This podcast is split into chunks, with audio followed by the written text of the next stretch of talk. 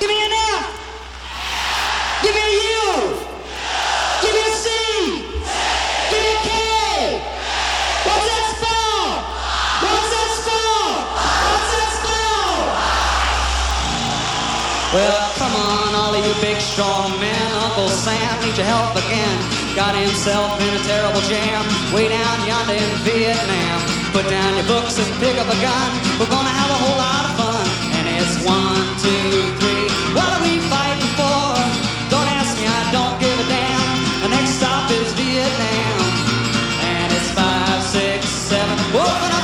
Ja, dat is de iconische protestsong van Country Joe en the Fish... van het al even iconische hippiefestival Woodstock.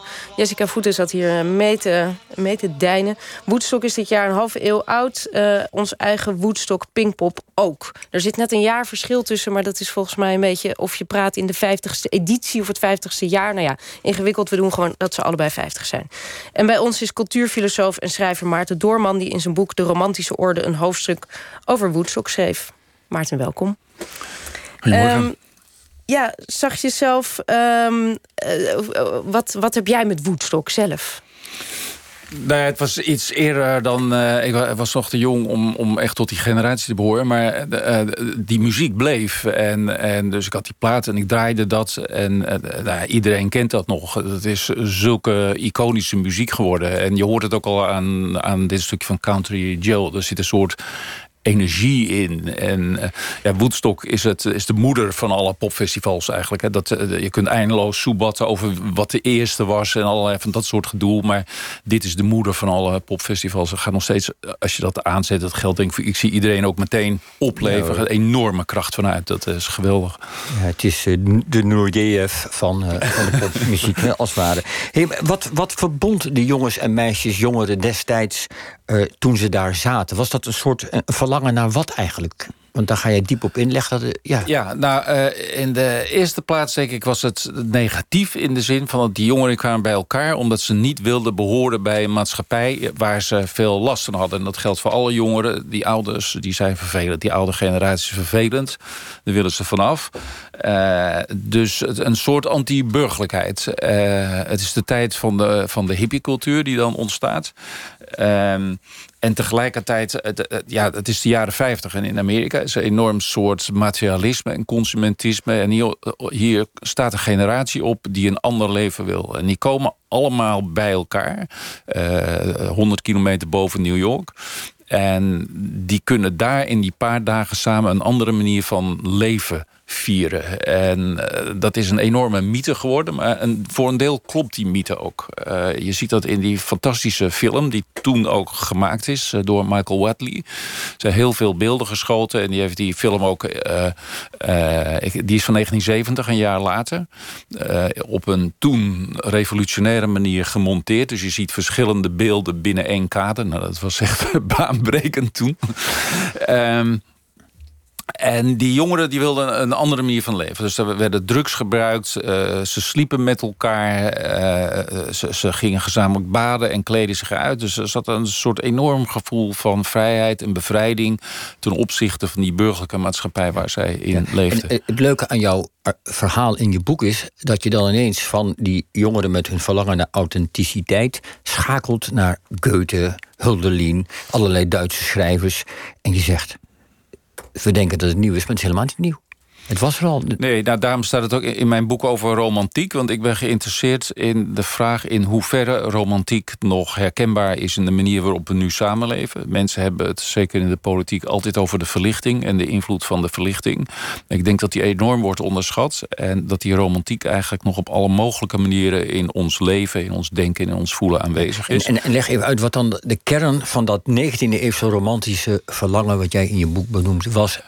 Bijvoorbeeld een hang naar authenticiteit. Het echte, het oprechte, het eerlijke. De, het belang van het natuurlijke en de, de natuur. Het belang van de kunst. En dan de eerste kunstvorm is wel de muziek. Zoals we heel duidelijk zien op Woodstock. En wat mij eigenlijk fascineert is dat wanneer we het over de jaren 60 hebben, dan zijn er eigenlijk twee eikpunten. Dat is Parijs 1968 of Woodstock. Dat zijn de twee grote uh, uh, gebeurtenissen die meteen uh, ons te binnen schieten. En die worden gebracht als een enorme revolutie in het Westen. En ik heb dat ook lang gedacht. Dat toen, in 1968... De verbeelding aan de macht. Ja, de verbeelding kwam aan de macht. Alles werd anders. Op een bepaalde manier klopt dat.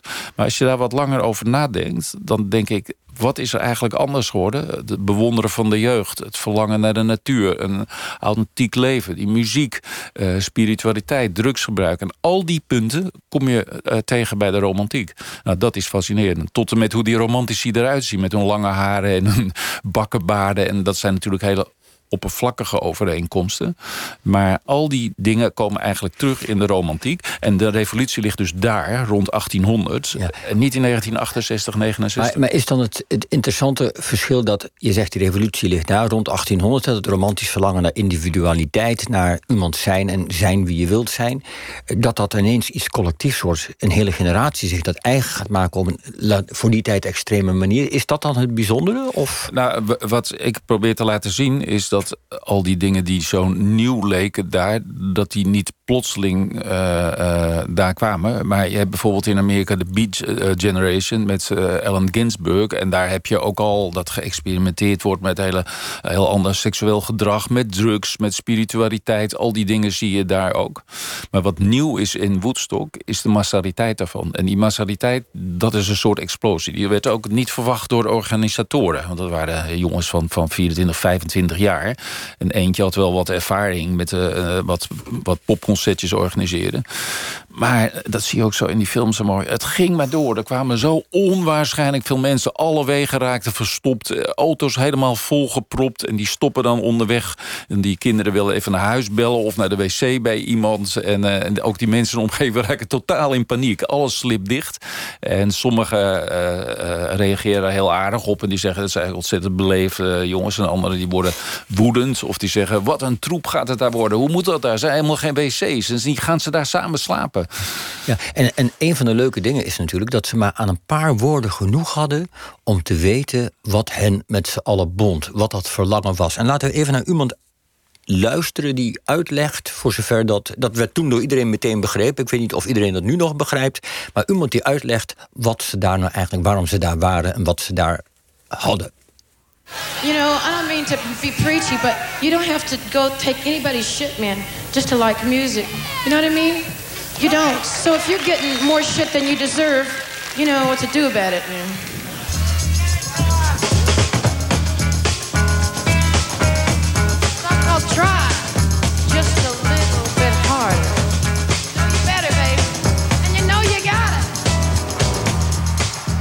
Ja, uh, Maarten, jij legt maar even uit wie dit was en wat ze precies zei. Is uh, Janis Joplin, hè?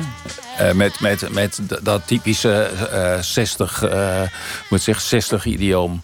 Nou ja, dat, don't give a shit. Dat is dat, dat, daar spreekt de houding van de jeugd tegenover die oudere generatie, denk ik, heel duidelijk. Wat ook met dat wat we net hoorden, Give Me an F van Country Joe. Dat ze allemaal keihard samen fuck gaan roepen. Dat, dat lijkt nu een beetje kinderachtig. Maar dat geeft wel heel erg weer hoe die jongeren in de samenleving stonden. En wat een afkeren was van die oudere generatie. Moet ook niet vergeten het zijn de jaren waarin steeds meer jongeren moeten dienen in Vietnam. Dus heel veel jongens worden opgeroepen en die gaan gelijk de oorlog in. Dus dat was, ook daar was denk ik een soort enorme haat ten opzichte van die oudere generatie. Want ze dachten, waar moeten wij in een oorlog gaan vechten die jullie willen? Er was ook een harde aanleiding voor een romantisch feestje eigenlijk. Er was wel een harde aanleiding om zich te, om zich te verzetten. Um, nou, dat, hele, dat hele verzet en dat hele verlangen naar een andere manier van leven spreekt uit Woodstock. Uh, wat ik een geweldig moment vind, wat je ook in die film kunt zien... dat is al die jongeren die, die zitten daar op een stuk land. En er is eigenlijk bijna niks, want tegenwoordig zijn popfestivals ongelooflijk goed georganiseerd. Maar toen was dat nog niet zo. En dan kun je afvragen, waarom gingen ze niet gewoon naar een sportstadion in New York... of in een stedelijke omgeving? Of waar moesten ze daar met z'n allen op zo'n zompig weiland gaan zitten? Maar dat was juist dat verlangen van de natuur en het platteland wat hen zo aansprak. Wat dat andere bood. En op het laatste laatst, uh, ze hadden een stuk uh, trein geregeld bij een boer. En die, die zag dit allemaal aankomen. Die dacht, mijn lijf geen Polonaise. Toen helemaal op het laatst vonden ze iemand anders. Dat was een boer, die heette Max Jasker. En die stelde zijn land ter beschikking. En er gebeurde dus dat ongelooflijk. Nou, het zijn geen half miljoen. Maar ik denk, ze hadden geloof ik 40 of 50.000 mensen verwacht. En, en, en honderdduizenden mensen zaten daar. En dan geven ze die boer geven ze het podium en een microfoon. Dan zeggen ze, wil je ze niet even toespreken? En dan zie je die man een ogenblik kijken. En je merkt, die man die heeft nog in zijn hoofd... wat Kennedy in Berlijn zei toen hij in Berlijn kwam tijdens die luchtbrug. Ik ben een Berliner. En die man zegt met een soort boerenslimheid, zegt hij... I'm a farmer. en iedereen begint als uitzinnig. Dit is een boer, geweldig. Omdat hij een boer is. Omdat hij van het platteland is. Omdat hij anders is. We vieren, of we vieren, ik weet ik veel vieren. Uh, dit is de min of meer 50ste editie van, uh, van, van uh, hoe heet het daar? Landgraaf, Pinkpop. Ja. Lijkt dat nog een beetje op Woodstock? Nou, in zekere zin wel. Dus ik noem dat al de moeder van alle festivals. En dat jongeren, het zijn niet alleen jongeren... maar jongeren of mensen die zich als jongeren gedragen... samen ga, daar gaan kamperen en een paar dagen bij elkaar blijven en muziek beleven. Die hele sfeer, dat is wel van dat alleen. Samen met een vader en moeder vaak, hè? ja. Maar die zijn Vaak nu ook, ook jong. niet. Voor wie meer wil weten over de hedendaagse romantiek... kan het boek De Romantische Orde van Maarten Doorman